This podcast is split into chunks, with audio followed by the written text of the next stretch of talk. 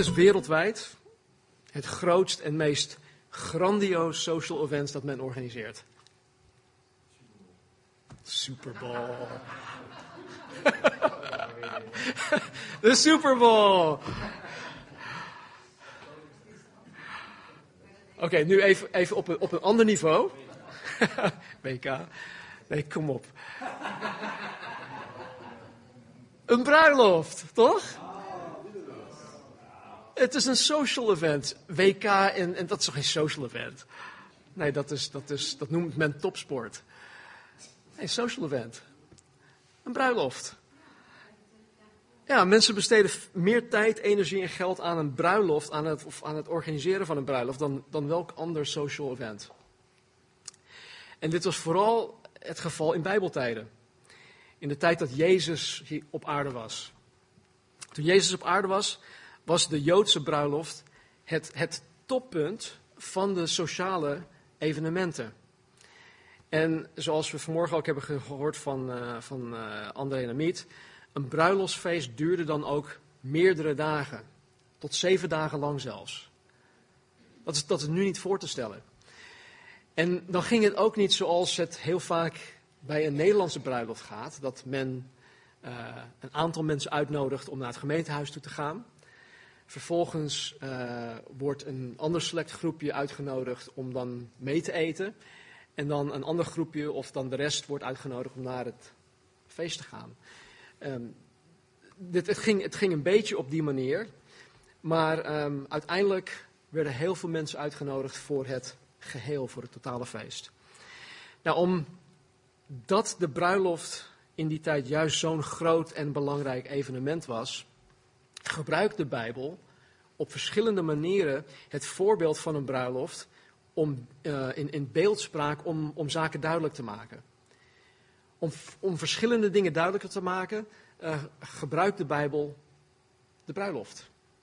Maar dan in beeldspraak. Nou, vanmorgen gaan we verder met openbaring 19. Waarin wij de bruiloft van het lam met elkaar gaan doornemen.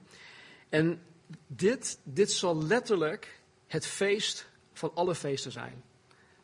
We hebben daar nu geen voorstelling van, dat kan ook niet. Maar het is een feest waar God zelf al duizenden jaren lang op heeft gewacht. Het is een feest waar God zelf al duizenden jaren lang naar uitkijkt. Het is een feest waar, uh, dat, dat voor de grondlegging van de wereld reeds gepland was. Nogmaals, dit is niet voor te stellen. Een feest dat voor de grondlegging van de wereld al gepland was? Hoe, hoe kan dat nou? Het is een feest waarin de bruid van Christus, de kerk, zal stralen als nooit tevoren. En dat is het moment dat wij, dat wij ook daar, waar, waar wij ook naar hunkeren. Het moment waar er geen zonde meer is. Waarin wij in de spiegel kunnen kijken en tevreden kunnen zijn met wie wij zijn. 100% tevreden. Zonder enig schuldgevoel, zonder enig wat dan ook. Laten we lezen, openbaring 19. En dan uh, lezen we nogmaals even vanaf vers 1. Voor de context. En hierna hoorde ik een luide stem van een grote menigte in de hemel zeggen: Halleluja! De zaligheid, de heerlijkheid, de eer en de kracht zij aan de Heere onze God. Want zijn oordelen zijn waarachtig en rechtvaardig, omdat hij de grote hoer geoordeeld heeft, die de aarde te gronden heeft gericht met haar hoererij.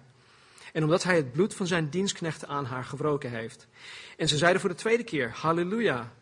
En haar rook of want haar rook stijgt op in alle eeuwigheid. En de 24 ouderlingen en de vier dieren wierpen zich neer, aanbaden God die op de troon zit en zeiden Amen, Halleluja. En er kwam een stem uit de troon die zei, loof onze God, al zijn dienstknechten, en die hem vrezen, kleinen en groten. En ik hoorde zoiets als een geluid van grote menigte en als een gedruis van vele wateren en een geluid als van zware donderslagen. Halleluja, want de Heere, de Almachtige God, is koning geworden. Laten wij blij zijn en ons verheugen en hem de heerlijkheid geven. Want de bruiloft van het lam is gekomen en zijn vrouw heeft zich gereed gemaakt. En het is haar gegeven zich met smetteloos en blinkend fijn linnen te kleden. Want het fijne linnen, linnen zijn de gerechtigheden van de heiligen. En hij zei tegen mij, schrijf, zalig zijn zij die geroepen zijn tot het avondmaal van de bruiloft van het lam. En hij zei tegen mij: Dit zijn de waarachtige woorden van God. En ik viel voor zijn voeten neer om hem te aanbidden, maar hij zei tegen mij: Pas op dat u dat niet doet. Ik ben een mededienstknecht van u en van uw broeders die het getuigenis van Jezus hebben. Aanbid God. Het getuigenis van Jezus is namelijk de geest van de profetie. Tot zover. Nou, op dit moment in het boek Openbaring is het conflict tussen goed en kwaad bijna, bijna geheel over. Religieus, politiek en commercieel Babylon is voor eeuwig van de kaart weggeveegd. God heeft zijn recht laten zegenvieren door al het kwade, het antichristelijke, tijdens de grote verdrukking eschatologisch te veroordelen. Dat is klaar. Het einde van de verdrukking is gekomen. En het moment is aangebroken dat Jezus Christus terug op de aarde zal komen. En de antichrist en de valse profeet in de poel van het vuur te werpen. En ook om de resterende aanhangers van de antichrist uit te roeien. En eenmaal gezuiverd van al dat kwaad, zal Jezus de aarde gaan renoveren als het ware. En wij die Jezus navolgen, zullen samen met hem voor duizend jaar gaan regeren op deze gerenoveerde aarde. Deze periode wordt ook genoemd het duizendjarig vrederijk en daar zullen we meer over zien in openbaring 20. Het is dus passend dat er op dit moment uh, heel veel lofprijs en aanbidding in de hemel plaatsvindt. Um, want er wordt, er wordt gereageerd op al wat God tot op dat moment heeft gedaan. Maar niet alleen dat, er wordt ook heel veel, um, uh, ja, God wordt um, geprezen op, uh, om, om, om wat er nog staat te gebeuren. Heel veel is al gedaan, heel veel is al gebeurd, maar er staat nog heel wat te gebeuren. De afgelopen zondag hebben wij het, um, het Halleluja-koor met elkaar doorgenomen. We hebben gezien dat de hemel de Heere God niet alleen uh, looft en prijs voor alles wat hij tot op dat moment heeft gedaan, maar ook om wat, uh, om wat er nog komen gaat. Openbaring 20, 21 en 22. De openbaring, zoals we gelezen hebben, openbaring 19, begint met een aantal responsen van lofprijs en aanbidding. Tot vier keer toe wordt God in de hemel geprezen. Er wordt ook. Hij wordt in de hemel, dus in de aanwezigheid van de hemel, geprezen. Door middel van deze uh, vier halleluja's. Het volgende thema is ook reden om de Heer te loven en te prijzen, omdat het te maken heeft met een evenement, wat ik zo even al zei, dat al duizenden jaren lang op de planning staat.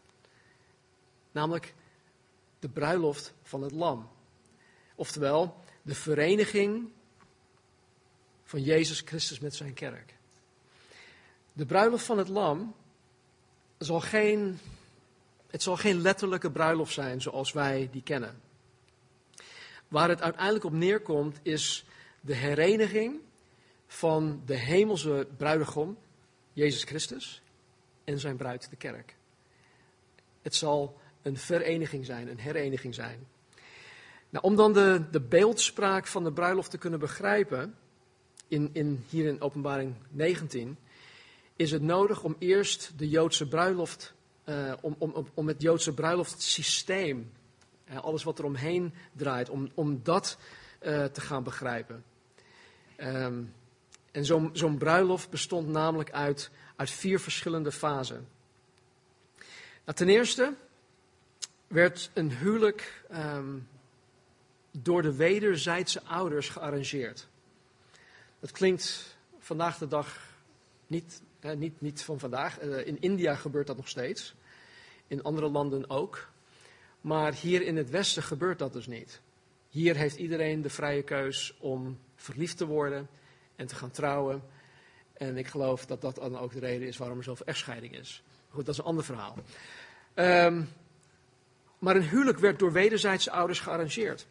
En in sommige gevallen zelfs voordat de kinderen werden geboren. Men ging op zoek naar sterke familiebanden in plaats van de romantische liefde. Het kaliber van de familie was meer belangrijk dan de vluchtigheid van het verliefd worden. En zo zouden de wederzijdse ouders het misschien met elkaar kunnen hebben over hun kinderen, terwijl ze aan het eten waren. De een was bij, op, bezoek bij de ander.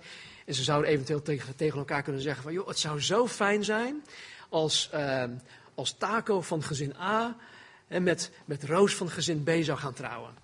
En de ouders hebben het daarover. Jullie zijn nog heel klein en schattig. Jullie zijn jullie groot en schattig, maar schat. Maar goed, dat, dat, oh het zou zo gaaf zijn als ze met elkaar gaan trouwen. Laten we dat, laten we dat um, um, regelen. Het, het, het, het, zou natuurlijk ook op een veel meer uh, formele manier kunnen gebeuren. En dat, dat gebeurde dan ook. Maar hoe dan ook, op het moment dat uh, de wederzijdse ouders het erover eens zijn geworden, uh, wordt zo'n uh, huwelijksovereenkomst of contract ondertekend. Ze zijn het met elkaar eens over wat er in de toekomst gaat gebeuren. De ouders van de zoon die geven een bruidschat aan de ouders van de dochter. En het is klaar. Het staat vast. Op dit moment, al zijn de kinderen of nog niet geboren, of ze zijn heel klein, of ze zijn tieners, dat maakt niet uit. Op dit moment is het bruidspaar wettelijk verloofd. Dit betekent dat ze eigenlijk vanuit het oogpunt van de wet, het, vanuit het oogpunt van God, al met elkaar gehuwd zijn. Ze zijn al met elkaar gehuwd. Maar dat zij nog apart hè, bij hun eigen ouders thuis wonen, uh, ja, totdat het bruiloftsfeest en het, en, en, en het huwelijk dan uh, voltrokken wordt. Dus ze zijn getrouwd, maar ze wonen nog apart totdat ze weer samenkomen tijdens het, bru uh, het bruiloftsfeest. Nou, zo'n verloving is bindend.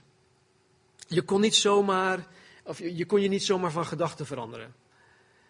En stel dat je, je, je wordt uitgehuwelijkt, je wordt, het, het, wordt, het wordt gearrangeerd en uh, je gaat naar de, de middelbare school van die tijd. En je raakt verliefd op een ander. En je zegt van ja, maar ik, ik wil helemaal niet met, met Taco trouwen. Ik wil helemaal niet met Roos trouwen. Ik wil. Nee, nee, het was bindend. Je was al getrouwd. Je kon je niet zomaar van gedachten veranderen. Om hier onderuit te kunnen komen, moest men officieel gaan scheiden. Je moest gewoon gaan scheiden. Het was ook zo dat het meisje een maagd zou blijven tijdens deze periode van verloving. Ze zou als een maagd moeten worden gegeven aan haar man bij de voltrekking van het huwelijk.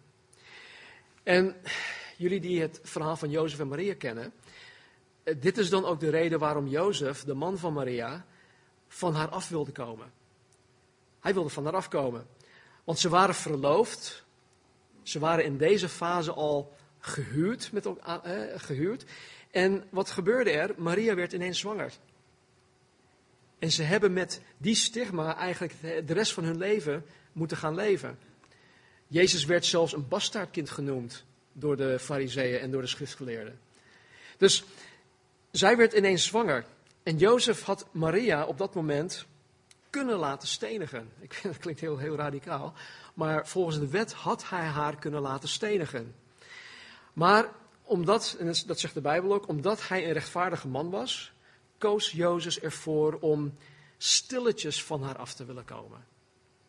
En terwijl hij met die gedachte bezig was, kwam de engel van de Heer naar hem toe in een droom. En de engel sprak tot hem en zei dat Maria geen overspel had gepleegd, maar dat zij zwanger is geraakt op een bovennatuurlijke wijze door de kracht van de Heilige Geest. En wat gebeurde er? Hij bleef bij haar. Er werd verder niet over gesproken, behalve door andere mensen dan. Nou, in deze eerste fase, de fase van de verloving, was het aan de bruidegom om de woonruimte voor zichzelf en ook voor zijn bruid klaar te gaan maken. Tegenwoordig is het zo dat uh, kinderen thuis blijven. Als het gaat zoals het zeg maar hoort te gaan, dan, uh, dan regelen ze dingen, dan gaan ze het huis uit, gaan ze trouwen enzovoort enzovoort.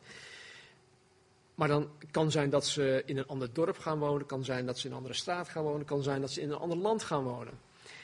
Hier was het zo dat de bruidegom een aparte woonruimte aan ging bouwen aan zijn, aan zijn ouderlijk huis. Uh, dus um, als pa en ma een huis hadden, ze hadden drie zoons en deze ging trouwen, nou, er werd hier een vleugel aangebouwd. als eh, de tweede zoon ging trouwen en uh, dat ging, nou, werd nog een vleugel en andere. Dus er werd steeds aangebouwd aan het ouderlijk huis. En nadat de aanbouw klaar was, en zodra alle inkopen voor het bruiloftsfeest gedaan waren, en zodra de vader van het gezin het groen licht gaf, want het was, werd door hem bepaald, kwam de volgende fase. En de tweede fase is wanneer de bruidegom aan, uh, of onaangekondigd naar het huis van zijn bruid toe gaat om haar op te halen en haar terug te brengen naar zijn ouderlijk huis, om haar aan de familie te presenteren. Dus Taco zou dan als uitgehuwelijkt iemand thuis een verblijf gaan aanbouwen aan zijn ouderlijk huis. Zodra de vader, Taco's vader, zou zeggen van oké, het moment is aangebroken, je kan Roos nu ophalen. Nou, hij gaat onaangekondigd naar Roos toe. Met een, met een, met een hele stoet. Hij haalt haar op. Brengt haar thuis. Brengt haar weer, brengt haar, neemt haar mee naar zijn ouderlijk huis. Presenteert haar aan vader en moeder, aan de familie. Ja, houd, die, houd, die, houd even vast. Dus um, het ophalen van, van, van de bruid, zoals ik net zei, werd, was onaangekondigd. Maar het ging, uh, zoals, zoals, we zullen, zo meteen zullen zien in een van de gelijkenissen, ging het um, gepaard met een, een geroep. Met andere woorden, wanneer de stoet dicht bij Roos uh, aan huis kwam, werd er geroepen. Taco komt eraan! De bruidegom is er! Hij komt eraan! Hij komt eraan! En, ja, dan, ja, Roos die moet zichzelf klaarmaken en al die bruidsmeisjes die maken zichzelf klaar. En ja, al de spanning en zo, dat, dat zit er allemaal bij.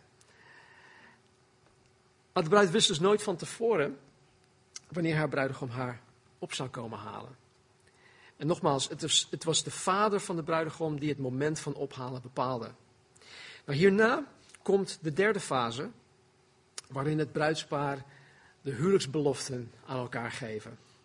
Uh, dit is dan ook de, de daadwerkelijke bruiloftsceremonie. En hiervoor werd meestal een select groepje mensen uitgenodigd. In dit geval zou het zijn de, de, de nabije familieleden. Maar nog voordat het bruidspaar elkaar het ja-woord zouden kunnen geven, moest er eerst nog één ding gebeuren. Klinkt ook heel uh, ongebruikelijk vertegenwoordig, maar er moest een rituele onderdompeling van de bruid plaatsvinden. We hebben vorige week, uh, week daarvoor, een aantal mensen gedoopt. Uh, het was een soortgelijk iets. Uh, de bruid die moest dan eh, onderdompeld worden in water voor een, dat noemen ze een rituele reiniging. En als dat eenmaal gebeurd was, vond de bruiloftsceremonie plaats. Nou, tot slot komt de vierde fase en dat is het bruiloftsfeest waar velen voor werden uitgenodigd. En dit was dan ook het feest dat het zeven dagen lang kon duren. Er werd gegeten, er werd gedronken. Het was één groot festijn. Dit was ook het gedeelte waar, uh, waar Jezus en zijn discipelen voor uitgenodigd waren in Johannes hoofdstuk 2. De bruiloft in, in Cana. Nou, met dit als achtergrond, laten we gaan kijken naar openbaring 19, vers 7 en 8. Er staat, laten wij blij zijn en ons verheugen en hem de heerlijkheid geven, dus God de heerlijkheid geven, want de bruiloft van het lam is gekomen en zijn vrouw heeft zich gereed gemaakt. En het is haar gegeven zich met smetteloos en blinkend fijn linnen te kleden. Want dit fijne linnen zijn de gerechtigheden van de heiligen. In vers 6 zien wij heel de hemel God prijzen. De hemel riep uit, halleluja, want de Heere, de Almachtige God, is koning geworden. Nu zeggen zij, Laten wij blij zijn, ons verheugen en God de heerlijkheid geven, want de bruiloft van het lam is gekomen. Nu dit. De fase van de bruiloft waarover de Bijbel hier in dit vers spreekt, is wat wij zojuist hebben gezien als fase 3. De bruiloftsceremonie waarin het bruidspaar elkaar het ja-woord geeft. Dit is dan ook het officiële gedeelte. Dit is uh, de bruiloftsceremonie van de bruiloft van het lam. En de vraag die ik als eerste heb, oké, we, lezen dit. We lezen dat, dat hier ehm, fase 3 gebeurt. Waar staan fase 1 en fase 2 dan in de Bijbel vermeld? Waarom springt het ineens twee fasen over? Of zeg dat goed, springt? Slaat. Waarom slaat het ineens uh, twee fasen over? Nou, het is niet zo dat het overgeslagen wordt. Het staat alleen in andere plekken.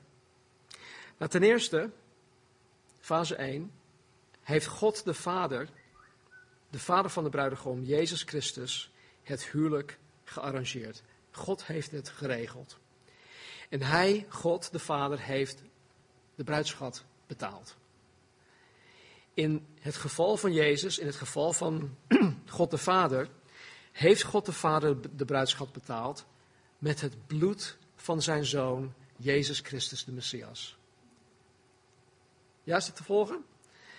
In Efeze 5, vers 25 staat: Mannen, heb uw eigen vrouw lief zoals ook Christus de gemeente lief gehad heeft. En zich voor haar heeft overgegeven. Dus God de Vader heeft zijn zoon gegeven als bruidschat. En Jezus zelf heeft zichzelf gegeven of overgegeven om zijn bruid, de kerk, tot zich te kunnen nemen. Dat is even het beeld. De eerste fase is, ehm, is reeds volbracht. De andere drie fasen die zijn nog toekomstig. Nou, als het evangelie tot jou is gekomen en jij bent op dit moment wedergeboren, dan ben jij op dit moment een deel van de bruid, van het lam. Je bent persoonlijk verloofd met Jezus Christus. En zoals de Joodse verloving bindend en blijvend was, is ook de verloving met Jezus bindend en blijvend. God heeft het huwelijksverbond met ons afgesloten en heeft het ondertekend met het bloed van zijn zoon, met het bloed van Jezus Christus. Dat is het nieuw verbond. En volgens 1 Korinthe 6 en 7 zijn wij duur gekocht. De bruidschat dat God betaald heeft is een hele, het is, het is een, hele dure bruidschat. Wij zijn duur gekocht. En volgens 1 Petrus zijn wij gekocht met het kostbaar bloed van Christus. Zoals de, de bruidegom in, in fase 1 een, een woonruimte zou aanbouwen aan zijn uh, ouderlijk huis, ging Jezus na zijn kruisiging en opstanding uit de dood terug naar zijn vaderlijk huis, de hemel, om daar een plaats voor zijn bruid voor te bereiden. In Johannes 14, vers 1 en 2 zegt Jezus dit. Dit is zijn afscheidsspeech die hij geeft aan zijn discipelen. net voordat hij gearresteerd en gekruisigd wordt. Hij zegt dit tegen hen. Hij zegt, laat uw hart niet in beroering raken. U gelooft in God, gelooft dan ook in mij. In het huis van mijn vader zijn veel woningen. Als dat niet zo was, zou ik, u, zou ik het u gezegd hebben. Ik ga heen om een plaats voor u gereed te maken. Dat past weer precies bij het beeld van de bruiloft. Waarin de bruidegom een woningruimte uh, klaar gaat maken voor hem en voor zijn toekomstige bruid, voor zijn bruid. Jezus belooft zijn discipelen en ons dat hij voor zijn kerk een plaats in de hemel aan het gereed maken is. In, uh, in een van de, op een van de cd's van Keith Green, dat is uit de jaren tachtig is dat, zegt hij iets hierover. Hij zegt, uh, als de wereld, als God de wereld in zes dagen heeft gemaakt, en als Jezus nu al 2000 jaar lang bezig is om een plek voor mij in de hemel gereed te maken, dan leven wij nu in een kliko, in een garbage can. In vergelijking met. Snap je? Ja? Oké, anyway.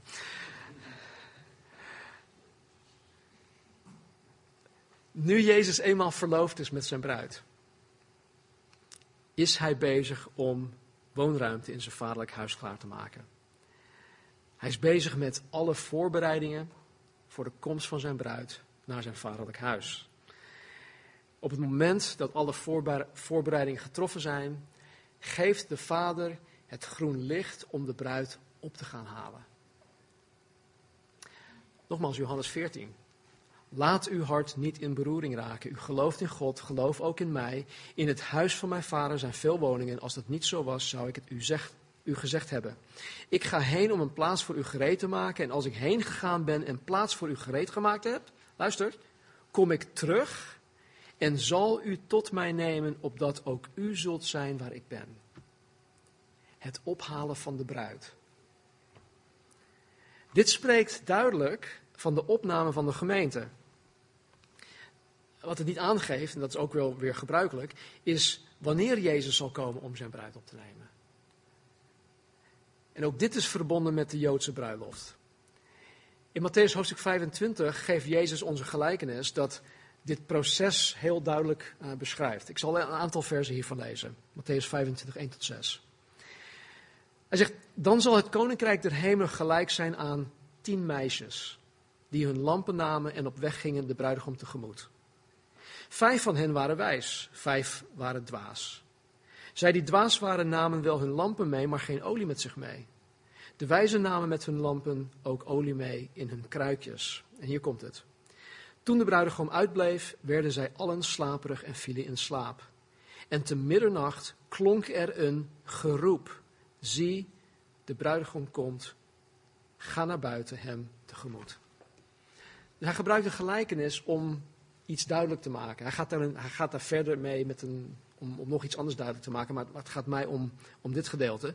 In een Joods bruiloft kon er veel tijd zitten tussen fase 1 en fase 2. Stel dat het huwelijk gearrangeerd werd voor de geboorte van de kinderen. Nou, dan zat er sowieso 15 à 20 jaar tussen uh, het feit dat zij al verloofd zijn en het ophalen van de bruid. Eigenlijk hetzelfde nu, geldt nu. Jezus is 2000 jaar geleden teruggegaan naar, de, naar het huis van de Vader, naar de hemel. En wij zitten hier nog steeds 2000 jaar later. Dus er zit ook heel veel tijd tussen fase 1 en fase 2. De opname van de gemeente. Nou, wij zien hier in dit, in dit voorbeeld dus dat de bruidegom uitbleef. dat ze allemaal in slaap vielen. En vervolgens te middernacht op een onverwacht moment kwam de bruidegom om zijn bruid op te halen. En zo zal ook de opname van de gemeente plaatsvinden op een onverwacht moment. Oké, op dit moment, anno 2017, is de bruid van Christus de kerk verloofd met Jezus.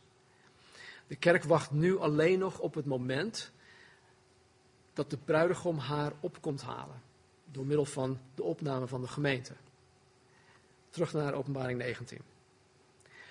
Laten we blij zijn en ons verheugen en hem de heerlijkheid geven, want de bruiloft van het lam is gekomen en zijn vrouw heeft zich gereed gemaakt. En het is haar gegeven zich met smetteloos en blinkend fijn linnen te kleden, want dit fijne linnen zijn de gerechtigheden van de heiligen. Nou, op dit moment, in, openbaring, in het boek Openbaring, heeft de opname reeds plaatsgevonden. De kerk zit reeds zeven jaar lang in de hemel en het moment van de ceremonie is aangebroken. Er staat dat de vrouw van het lam zich heeft gereed gemaakt. En dat het haar is gegeven zich met smetteloos en blinkend fijn linnen te kleden, want dit fijne linnen zijn de gerechtigheden van de heiligen. Nou, voordat de ceremonie van start kan gaan, moet er eerst nog één ding gebeuren. In de Joodse bruiloft bracht de bruidegom zijn bruid naar het ouderlijk huis toe. En voordat de ceremonie begon, moest er eerst nog een rituele reiniging uh, van de bruid plaatsvinden. Ook met de bruid van Christus moet zij een rituele reiniging doorgaan. En het heet geen uh, vage vuur, het heet niets anders dan uh, een, een reiniging. En dit vindt plaats voor de rechterstoel van Christus. Probeer dit te volgen, ja? In 2 Korinthe 5, vers 10 zegt Paulus dit. Wij moeten allen, dus hij heeft het tegen christenen, hij heeft het over christenen, hij heeft het tegen de kerk van Jezus Christus. Wij moeten allen voor de rechterstoel van Christus openbaar worden. Wij moeten verschijnen opdat ieder vergelding ontvangt voor wat hij door middel van zijn lichaam of zijn leven hier op aarde gedaan heeft. Het zij goed, het zij kwaad. Dit oordeel is alleen bedoeld voor de kerk. Dit oordeel voor de rechterstoel van Jezus Christus. En wat hier beoordeeld wordt, is wat een ieder van ons afzonderlijk hier op aarde gedaan heeft als een christen. Paulus legt dit proces uit in 1 Korinthe hoofdstuk 3, in vers 10 tot met 15. Ik lees uh, dit stukje uit de Groot Nieuwsbijbel. In zijn goedheid liet God mij, dus Paulus, als een kundig architect het fundament leggen waarop anderen voortbouwen. Hij heeft het over de kerk, hij heeft het over het evangelie. Maar ieder moet er wel op letten hoe hij verder bouwt. Niemand kan een ander fundament leggen dan er al ligt, Jezus Christus. Dat is logisch. Maar op deze grondslag kan men voortbouwen met goud, zilver, kostbare stenen of met hout, hooi en stro. Wat ieders werk waard is, zal blijken op de dag van het oordeel. Dat is het komen voor de rechterstoel van Jezus Christus. Want het vuur waarmee die dag verschijnt, zal ieders werk testen en de kwaliteit ervan aantonen. Blijft iemands bouwwerk overeind, dan zal hij loon ontvangen. We worden, we worden beloond voor die dingen. Maar brandt het af, dan zal hij schade moeten dragen. Zelf zal hij echter gered worden, als het ware, door het vuur heen. Dus wanneer ik voor de rechterstoel van Christus verschijn, zal Jezus mij persoonlijk, en ik zal alleen voor hem staan, zal Jezus mij gaan beoordelen op wat ik in mijn leven hier op aarde voor Hem heb gedaan. Alle dingen, alle dingen die ik in de kracht van de Heilige Geest gedaan heb. Alle dingen die ik in goddelijke oprechtheid gedaan heb.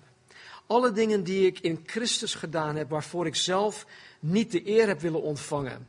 Al deze dingen zullen stand blijven houden. Dat zijn de dingen uh, waarmee ik bouw, uh, goud en zilver en, en edelstenen. Die komen door het vuur heen en die komen, die komen er gewoon doorheen.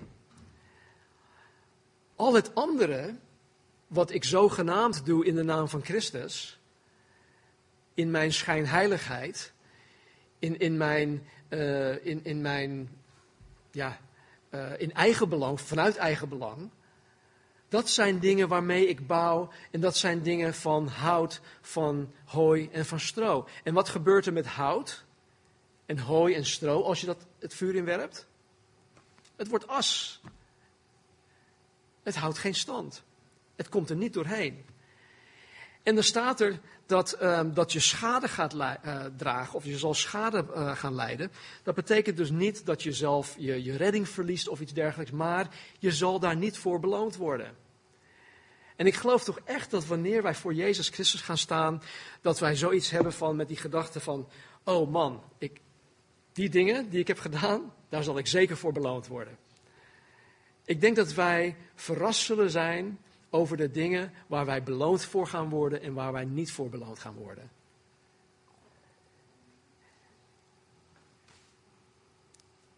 Nogmaals, al het andere zal als hout, hooi en stro verbranden.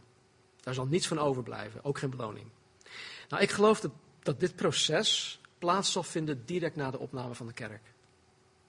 Direct na de opname van de kerk. Zodra de kerk dit reinigingsproces heeft ondergaan, is zij dus klaar om het huwelijk met Christus te voltrekken.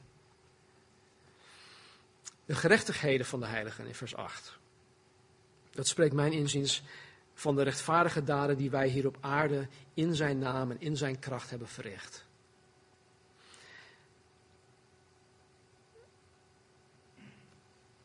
Maar er is één ding, en dat is heel erg belangrijk.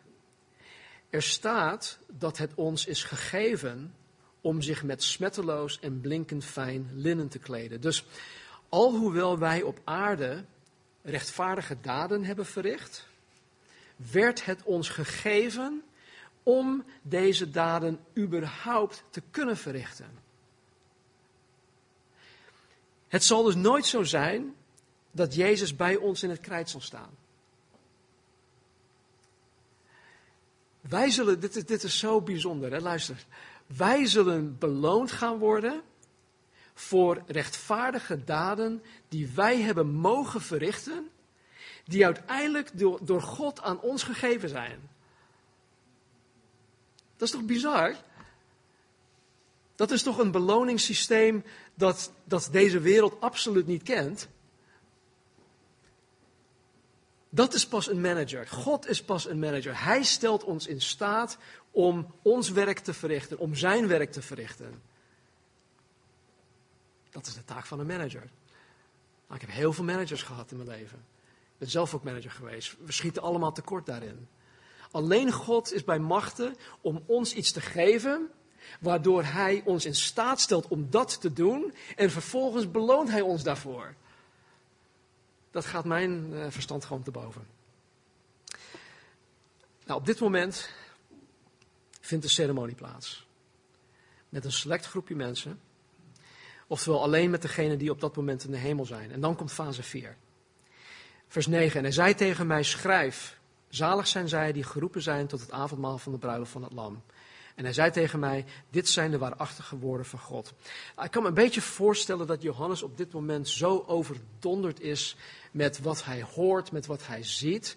Dat de engel zoiets van: hey, hey, hey, hallo, hallo, even aandacht. Hou je bij de les. Schrijf nu op wat je allemaal ziet en wat ik zeg. Schrijf het nou op. Schrijf op. Schrijf, zalig zijn zij die geroepen zijn. Zalig betekent dolgelukkig. We hebben volgens mij elf zondagen besteed aan de zaligspreking en Matthäus. Dus degenen die dat uh, meegekregen hebben, weten inmiddels wat zalig betekent. En zalig zijn zij die geroepen zijn tot het avondmaal, oftewel tot het bruiloftsdiner van de bruiloft van het Lam. Nou, in vers 7 en 8 gaat het over de bruid. Hier in, in, in vers 9 gaat het om de genodigden. Het gaat om de geroepenen tot het bruiloftsfeest. En het is makkelijk om daaroverheen te lezen, maar dit zijn twee verschillende groepen.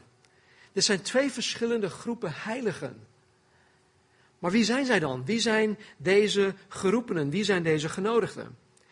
Nou, het kan niet de gelovigen zijn die tijdens de verdrukking gedood zijn. Want in Openbaring 6 zien wij dat zij, dat zij als zielen voor het altaar uh, staan. Bovendien krijgen zij hun verheerlijk lichaam pas in Openbaring 20, vers 4. Dus het, het kan niet de, de, de, heiligen zijn die tijdens de grote verdrukking uh, gedood zijn. Als de bruid de kerk is,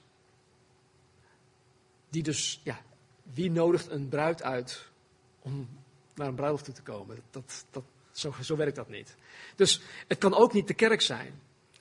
Dus als de bruid de kerk is, dan moet de geroepenen, de genodigden, de heiligen van het Oude Testament zijn. Nogmaals, ik ga hier heel snel overheen of doorheen. Als je vragen over hebt, ehm, dan kan je het uh, na afloop aan me stellen. Johannes de Doper. Er wordt over hem gesproken in de evangeliën. Behoort hij tot het Oude Testament of het Nieuwe Testament? Oude Testament. Nog andere ideeën? Oude Testament. Oké, Oude Testament, goed. Johannes de Doper was een oud-testamentisch profeet. Hij behoorde dus niet tot de kerk. Hij behoorde tot de oude bedeling. Hij is dus geen deel van de bruid. Maar omdat Johannes de Doper zichzelf de vriend van de bruidegom noemde, wat eigenlijk getuige betekent, of in het Engels best man, impliceert dat dat hij op het bruiloftsfeest aanwezig zal zijn. Hoe dan ook, deze heiligen zullen dolgelukkig zijn omdat zij geroepen zijn tot het avondmaal van de bruiloft van het lam. Ik zou er eigenlijk veel meer over willen zeggen, maar dat, uh, dat kan nu even niet. Of kan dat wel?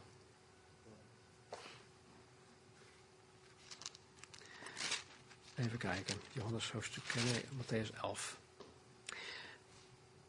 Jezus zei van um, Johannes de Doper in Matthäus hoofdstuk 11. Dat hij, dus Johannes de Doper, de grootste is onder hen die uit vrouwen geboren zijn. Met andere woorden, Johannes de Doper is de grootste, de meest belangrijke profeet ooit. Van het gehele Oude Testament. Hij is zelfs belangrijker dan Mozes, zelfs belangrijker dan Abraham, zelfs belangrijker dan Elia, dan noem maar op. Hij is volgens Jezus de grootste en de belangrijkste onder hen die uit vrouwen geboren zijn.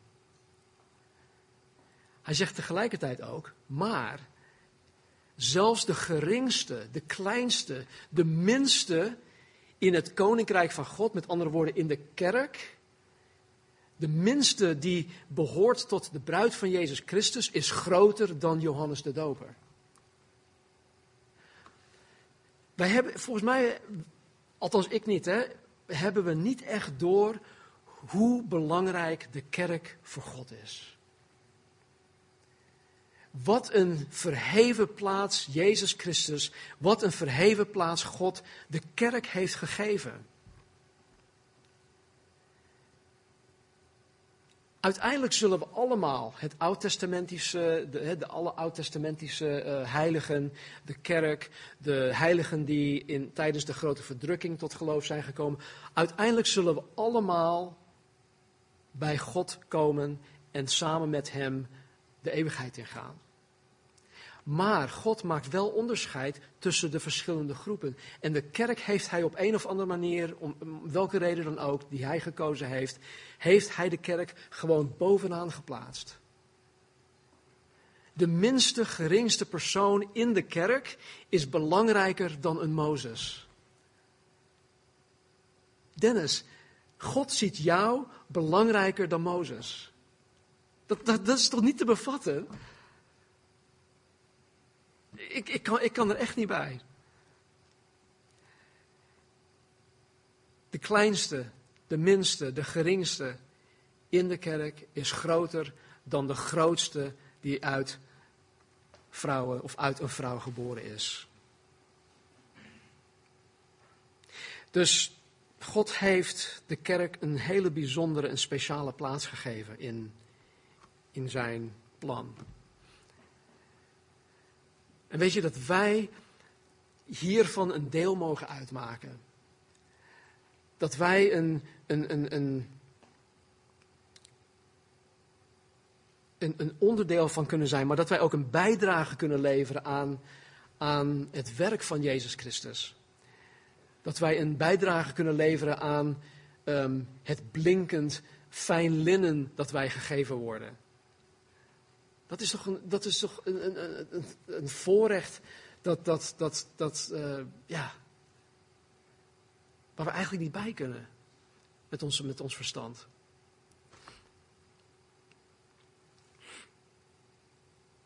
Hij zegt in vers 10, nee sorry, vers 9 even terug. Dit zijn de waarachtige woorden van God. Engel zegt het tegen Johannes. Dus om de waarachtigheid van deze woorden te beklemtonen, zegt de engel dit. Dit zijn de waarachtige woorden van God. Vers 10, hier sluiten we af. En ik viel voor zijn voeten neer om hem te aanbidden, de engel dan. Maar de engel zei tegen mij, pas op dat u dat niet doet. Ik ben een mededienstknecht van u en van uw broeders, die het getuigenis van Jezus hebben. Aanbid God. Het getuigenis van Jezus is namelijk de geest van de profetie. Johannes de schrijver, denk ik, ik weet niet precies wat de reden is, maar ik denk dat hij zo onder de indruk is dat hij gewoon voor die engel neervalt en, en hem begint te aanbidden. Maar goed, de engel verbiedt hem om hem te aanbidden. Waarom? Omdat engelen medeslaven zijn van Jezus Christus. Er staat hier mededienstknecht. In het Grieks is het medeslaaf. En de enige die wij horen te aanbidden is God. De engel die weet dat die, en die zegt dan ook aanbid God. Punt uit, aanbid God. God alleen. En het getuigenis van Jezus is namelijk de geest van de profetie. Jarenlang begreep ik dit niet zo goed. Maar simpelweg is profetie het verkondigen van het woord van God. In het Oude Testament zien wij de, de profeten namens God spreken. Zo zegt de Heer. Zij spreken namens God. Zij verkondigen het woord van God. Het is het voortspreken van het woord. Het is het verklaren van het woord van God. Het is ook wat uh, in de Bijbel vastgelegd is, het voorspellen van zaken. In het Oude Testament zijn heel veel dingen voorspeld. De eerste komst van Jezus Christus, de wederkomst van Jezus Christus, allemaal voorspeld door de profeten. Dat is één kant van profetie. De andere kant is gewoon het voortspreken van het woord van God, het verklaren van het woord van God. En waar dit allemaal op neerkomt, is dat Jezus Christus het hart, de ziel, eh, de adem, de geest is van alle verkondigingen van het woord van God. Met andere woorden, heel de Bijbel draait om Jezus. Het gaat allemaal om Jezus. Alle door God geleide verkondigingen van het woord van God gaat om Jezus. En weet je, dit is niet alleen een, een geweldige waarheid om, om te kennen, maar het dient ook als een toetssteen waarmee, waarmee wij zogenaamde profetische woorden kunnen toetsen. Ik verwacht niet van jullie dat jullie gewoon alles klakkeloos van mij aannemen. Ik verwacht van jullie dat jullie alles toetsen aan het woord van God.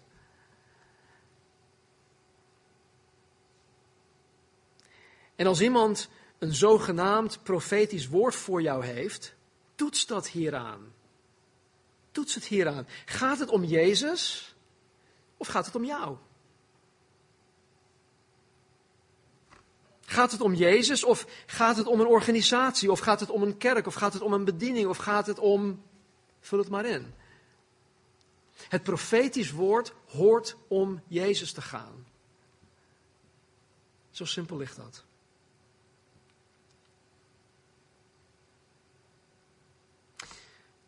Er komt een moment, en hier sluit ik echt mee af. Er komt een moment dat wij, wij die christen zijn, wij die wedergeboren zijn, voor de rechterstoel van Christus mogen verschijnen. En ik weet niet precies hoe dat zich gaat afspelen. Misschien heeft God op een of andere geweldig technisch beeldscherm dat hij ons leven laat zien. Vandaar dat het, vandaar dat het misschien ook zeven jaar lang duurt hè, voordat wij uiteindelijk de ceremonie ingaan. Maar goed, hij zal op een of andere manier ons laten zien welk, welke van on, welk van onze werken, welk van onze goede daden, welk van onze rechtvaardige daden hier op aarde stand blijven houden. En nogmaals, ik, ik, ik denk dat wij misschien verrast zullen zijn. Misschien denken wij nu al in onze gevallen staat van, joh, ja, dit, ja nou, voor deze dingen zeker, uh, daar word ik voor beloond. Mijn motivatie voor dit is om zoveel mogelijk te doen om bij te dragen aan het fijn linnen en aan het blinkend kleding, uh, de blinkende kleding die wij van God zullen krijgen die wij aan zullen gaan trekken. Dat is een soort van bruidsjurk als het ware. Jezus zegt dan ook in, in Matthäus in de bergreden. Um, hoe staat het in het Nederlands? Store up for yourself treasures in heaven. Verzamel schatten voor je in de hemel. Wat zeg je? Ja, waar roest en, en, en motten en, en dat soort dingen het niet zal verteren. Alles hier op aarde is vergankelijk. Marcel vertelde uh, vanmorgen dat hij uh, van de week bezig is geweest om uh, zijn sifons te vervangen in het huis. Nou, als je ooit hebt zitten graaien in een sifon, dan weet je wat er allerlei, allerlei rottigheid in zit en viezigheid. Het stinkt, het is vies. Een van die buizen raakte hij aan en het, het, het, het ja, het brak gewoon in, in, in kleine stukjes. Het is vergankelijk. Vergankelijk. Alles hier op aarde is vergankelijk. Het vergaat. Dus verzamel voor jezelf schatten in de hemel die, waar het niet vergaat. En dat betekent gewoon, doe dingen van eeuwigheidswaarde. Zet uh, je prioriteiten op, op, op, op zo'n wijze dat je al je inspanning, je, je, je tijd en je energie en je middelen, alles gewoon besteedt aan dingen van eeuwigheidswaarde. Verspil je tijd en energie niet aan dingen die vergankelijk zijn. Aan dingen die vergaan.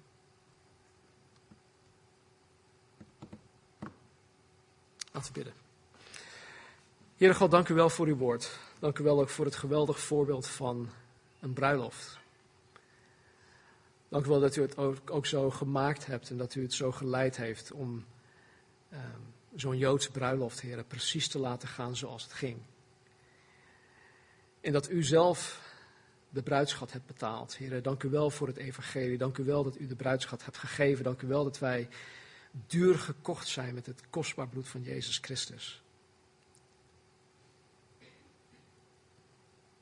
Dank u wel dat u een woning, een plek voor ons aan het gereed maken bent. Dank u wel, Jezus, dat u ons belooft dat u op een gegeven moment terug zal komen om ons op te nemen. Dank u wel voor de geweldige toekomst die wij voor ogen mogen hebben. Dat wij de bruiloftsceremonie mogen uh, ervaren samen met u. Dat wij het bruiloftsfeest mogen gaan vieren. Heren, maak het dan ook zo dat wij doordrongen zijn van het feit van hoe duur wij gekocht zijn.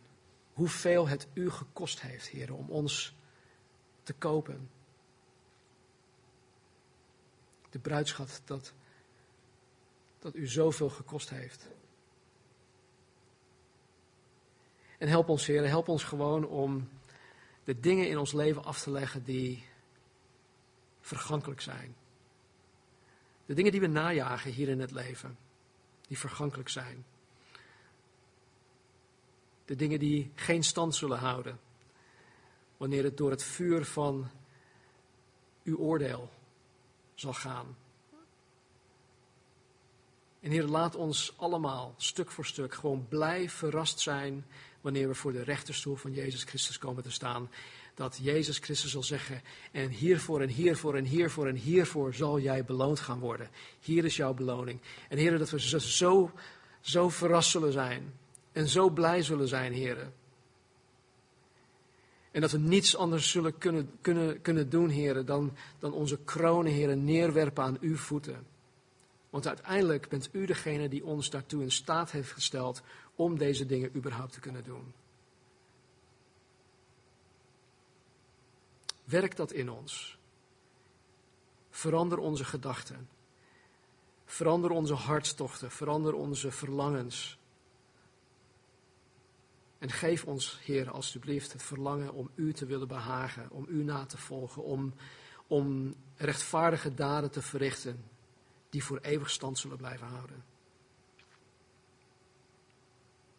Ik zie uit, Heer, naar, het moment dat wij U van aangezicht tot aangezicht zullen zien. Kom spoedig. En wees genadig, heren, over deze aarde. Wees genadig. Breng nog velen, heren, tot uw koninkrijk. Trek nog velen, heren, uit de duisternis, uit de leugen, uit de dood. En gebruik ons daartoe. Geef ons vandaag, morgen, deze week weer de gelegenheden om uh, het evangelie met iemand te mogen delen. Bid ook voor aanstaande vrijdag, heren, wanneer we Goede Vrijdag mogen vieren. Aanstaande zondag, wanneer we Pasen mogen vieren. Uw opstanding uit de dood. En gebruik die dag, heren, wereldwijd, om mensen tot u te trekken. Dat vragen we in Jezus' naam. Amen.